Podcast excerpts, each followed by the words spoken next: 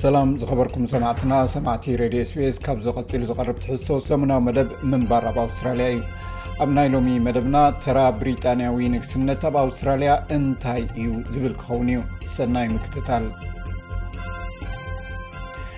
ኣውስትራልያ ምስ ናይ ብሪጣንያ ንግስነታዊ ስርዓት ወግዓውን ስምዒታውን ርክብ ኣለዋ እዚ ሓደ ውርሻ ናይ ብሪጣንያዊ ግዝኣት እዩ ብኣንፃሩ እታ ኣብ ካሪብያ እትርከብ ደሴት ባርባዶስ ንንግስነት ብሪጣንያ ከም ርእሰ ብሄር ሃገራ ከይከውን ደው ኣቢላ ኣብ ሕዳር 221 ድማ ብወግዒ ሪፑብሊክ ኮይና ንግስቲ ኤልዛቤጥ ዳግማይ ኣብ 96 ዓመት ዕድሚኣ ብ8 መስከረም 222 ድሕሪ ምሕላፋ ዝለዓል ሕቶታት ዘሎ ኣብዚ ዘመናዊ ኣውስትራልያ ንጉሳዊ ስርዓት ብሪጣንያ እንታይ ግደ ኣለዎ ዝብል እዩ ኣውስትራልያ ምስ ናይ ብሪጣንያ ስርዓተ ንግስነት ዘለዋ ምትእስሳር ምስ ናይ ብሪጣንያ ግዝኣት ውርሻ ዝተተሓሓዘ እዩ ካምበል ሮደስ ኣብ ካምቢራ ናይ ኣውስትራልያ ዲሞክራሲ ቤተ መዘክር ተመራማሪ እዩ ኣውስትራልያ ከም ግዝኣት ዓባይ ብሪጣንያ ኮይና እያ ተመስሪታ። በዚ ድማ ብዙሕ ልምድታት ናይ ብሪጣንያ እንተላይ ኣብ መንግስታዊ ኣሰራርሓ ተለቂሓ ወይ ርዒማ እያ። ሓደ ካብዚ ድማ ንጉሳዊ ስርዓት እዩ። ስለዚ ናይ ዩናይትድ ኪንግደም ንጉስ ወይ እውን ንግስቲ ናይ ኣውስትራልያ ርእሰ ብሔር እዩ ወይ ርእሰ ብሔር እያ። ኤልዛቤት ኣለክሳንድራ ሜሪ ዊንድሶር ንግስቲ ምድረ ነገስታትን ኣብ ለካቲት ሽሕን ትሽዓተ ሚእትን ሓምሳን ክልተን ካብ እትነግስ ኣትሒዛ ንዓሰርተ ኣርባዕተ ሓባራዊ ሃብቲ ወይ ኮመንወልዝ ሃገራት ርእሰ ብሔሮም እያ ነይራ። ኤልዛቤጥ ዳግማዊት ኣብ ታሪኽ ብሪጣንያ እታ ዝነውሐ ዕድመ ንግስነት ዘለዋ ኮይና ዘገልገለት ኮይና፣ ድሕሪ ሙማታ ወዳ ቻርለስ ነጊሱ ኣሎ። ንጉስ ቻርለስ ሳልሳይ ኮይኑ ተሰይሙ ኣሎ። ኩለን ሃገራት ሓበራዊ ሃብቲ ልኡላውያን ሃገራት እየን። ናይ ገዛእ ርእሰን ሕግታትን መንግስታትን እውን ኣለወን። ናይ መንግስትና ቅርጽን ስልጣንን ብመሰረት ናይ ኣውስትራልያ ሕገ መንግስቲ ሰፊሩ ዘሎ እዩ። ዳይረክተር ሃገራዊ ናይ ኣውስትራልያ ሪፑብሊክ ምንቅስቓስ፣ ARM፣ ሳንዲ ቢር ነዚ ይገልጽ። ኣውስትራልያ ናይ ፅሑፍ ሕገ መንግስቲ ዘለዋ ሃገር እያ እዚ ሕጊ እዚ ንኩሉ ካልእ ሕግታት ድማ ዘመሓድር ሕጊ እዩ ኣብቲ ቅዋም እቲ ዝለዓለ ሰብ ድማ ንግስቲ ወይ ንጉስ ናይ ብሪጣንያ እዩ እቲ ሰብ እቲ ርእሲ መንግስትና ተባሂሉ እዩ ዝፅዋዕ እቲ ናይ መንግስትና ርእሲ ኣብ ካልእ ሸነክ ናይ ዓለም ስለ ዝቅመጥ ኣብ ኣውስትራልያ ተወካሊ ሸይም እቲ በቲ ንጉስ ወይ ንግስቲ ኣብ ኣውስትራልያ ዝሽየም ድማ ጋበርነር ጀነራል ይበሃል። ካብ ሎሚ ኣትሒዙ ንጉስ ቻርለስ ሳልሳይ ንጉሳዊ ርእሰ ብሄረ ኣውስትራልያ እዩ። ስለዚ ኣውስትራልያ ቅዋማዊት ንግስነት ኢልና ንፅውዓ ብምባል ኣብ ዩኒቨርሲቲ ላትሮፕ ፕሮፌሰር ፖለቲካ ጁዲት ብሪት ተብርህ።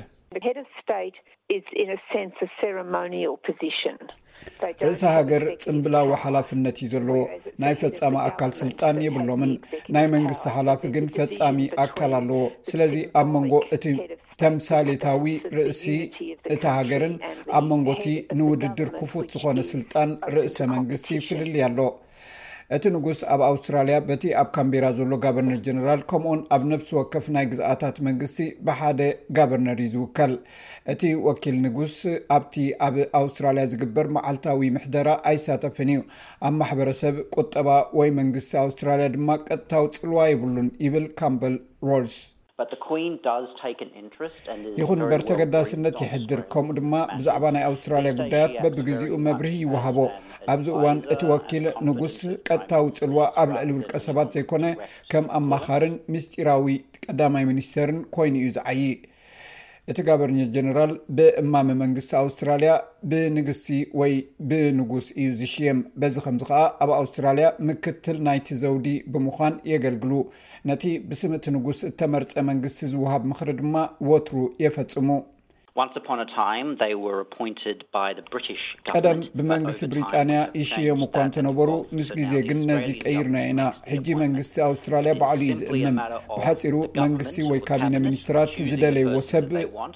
ክምረፅ ከሎ መብዛሕትኡ ግዜ ብቀዳማይ ሚኒስትር ነቲ ዝድለ ሰብ እዩ ዝመርፅ ንግስቲ ከዓ ነቲ እማመ ተፅድቕ ማለት እዩ መብዛሕትኡ ግዜ ንሓሙሽተ ዓመት እዩ ዝፀንሕ መብዛሕትኡ ግዜ ግን እቲ ሽመት ይናዋሕ እዩ ከም ንጉሳዊ ተሸያሚ እቲ ጋቨርነር ጀነራል ኣብ መዓልታዊ ስራሕ መንግስቲ ኣይሳተፍን እዩ ትብል ሳንዲ ቢያር ኮይኑ ግና ኣገዳሲ ሓላፍነታት እዩ ዘለዎም። ኩሉ ግዜ ሓደ ሕጊ ብፓርላማ ክመሓላለፍ ከሎ ኩሉ ግዜ ናብ ምርጫ ክንከይድ እንተደሊና ናይቲ ተወካሊ ምፅዳቕ የድልዮ እዩ። ብ1986 ናይ ኣውስትራልያ ኣዋጅ ብዘይካ እቲ ናይ ንግስነታዊ ርክብ ናይ መወዳእታ ናይቲ ኣብ መንጎ መንግስታት ብሪጣንያን ኣውስትራልያን ዘሎ ወግዓዊ ዝምድናታት ተበቲኹ እዩ። ንግስቲ ኤልዛቤት ዳግማይ ኣብ ስልጣን ኣብ ዝነበረትሉ እዋን ሓያሎ ግዝኣታት ብሪጣንያ ነፃነተን ክረኽባ ፅዒረን። ምስቲ ንጉሳዊ ምምሕዳር ዝነበረን ርክብ ድማ ተበቲኹ እዩ። እታ ኣብዚ ቁሩብ እዋን ማለት ኣብ ወርሒ ሕዳር ካብቲ ስምምዕ ዘቋረፀት ሃገረ ባርባዶስ እያ። ኣብዚ እዋን ዓሰርተ ኣርባዕተ ናይ ሓባራዊ ሃብቲ ሃገራት ወይ ኮመንወልዝ ሃገራት ብንግስነታዊ ምሕደራ ይካየዳ። ብዙሓት ሰባት ኣብ ኣውስትራልያ ንመንፈስ ናይ ሪፑብሊክ ስርዓት ክህሉ ከም ዘሎ ይስምዖም። ካብ ናይ ኣውስትራልያ ሪፑብሊክ ምንቅስቓስ ሳንዲ ቢያር ንለውጢ ይደፍእ። ናይ ኣውስትራልያ ሪፑብሊክ ምንቅስቓስ ኣብ ክንዲ ናይ ብሪጣንያ ንጉስ ወይ እውን ንግስቲ ናይ ሃገርና ርእሲ ዝኾኑ ብኣውስትራልያውያን ዝተመርፀ መራሒ ኣውስትራልያውያን ክህልዎ ኣለዎም ዝብል እምነት እዩ ዘለዎ እዚ ድማ ኣብ ነፃ ሃገር ዝግበር ኩሉ ውሳኔታት ብዲሞክራሲያዊ መገዲ ከም ዝፍፀምን ወከልትና ድማ ንኣውስትራልያ ዝጠቅም ቀዳምነት ከም ዝህቡን ዘረድእ ስለ ዝኾነ ኢና በዚ ንኣምን ኣብ ኣውስትራልያ ንመጀመርታ ግዜ እዚ ዘሎ መንግስቲ ለበር ንማት ቲስተልትዋ ከም ተሓጋጋዚ ሚኒስተር ናይ ሪፑብሊክ ገይሩ ሸይምዎ ኣሎ። ኣብ ልዕሊ ንግስነታዊ ስርዓተ ብሪጣንያ ዘሎ ናይ ኣተሓሳስባ ፍልልይ እውን ይቕየር ከም ዘሎ ዩዲት፣ Judith፣ Brett ትገልጽ።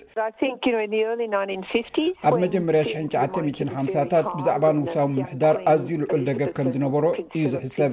ኣብቲ እዋን እታ መንእሰይ ዝነበረት ንግስቲ ኤልዛቤጥን ልዑል ፊሊፕስን ክበፅሑ ኣብ ዝመፅሉ ማለት ደድሕሪ ትውግእ ስለ ዝነበረ ከም ናይ መላእ ዓለም ውሩያት ወይ ህቡባት ሰባት ኮይኖም እዮም ተሓሲቦም ሕጂ ግና ተመሳሳሊ ፅልዋ የብሎምን ኣውስትራልያ ሪፑብሊክ ክትከውን እንተኮይና ኣባል ናይ ሓባራዊ ሃብቲ ንምዃን ክንመርፅ ንኽእል ኢና ንኣብነት ህንዲ ነዚ ኣጊራ ስለዚ ስርዓተ ሪፑብሊክ እንታይ ይመስል ሳንድሪ ቢያራ ናይ ኣውስትራሊያ ሪፑብሊክ ምንቅስቓስ ነዚ ሕቶ ንምምላስ ፈቲኖም ኣለው።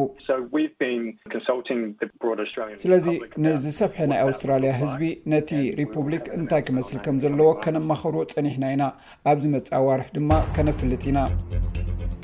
እቲ ምንቅስቓስ The Australian Choice Model ብዝብል ብጥሪ 2022 እቲ ዝሕሰብ ዘሎ ሪፑብሊክ ኣፍሊጡ ነይሩ ብመሰረት እዚ እማመ ኣብ ኣውስትራልያዊ ቅዋም ለውጢ ተገይሩ ርእሰ ብሄር ናይ ዝሃገር ብህዝቢ ኣውስትራልያ ክመርፅ ዝብል እማመ እዩ ቀሪቡ ዘሎ ሰማዕትና እዚ ክትከታተሎ ፅናሕኩም ምንባር ኣብ ኣውስትራልያ እዩ ኣብ ዝመፅእ ሰሙን ብካልእ ትሕዝቶ ይረክበና ሰላም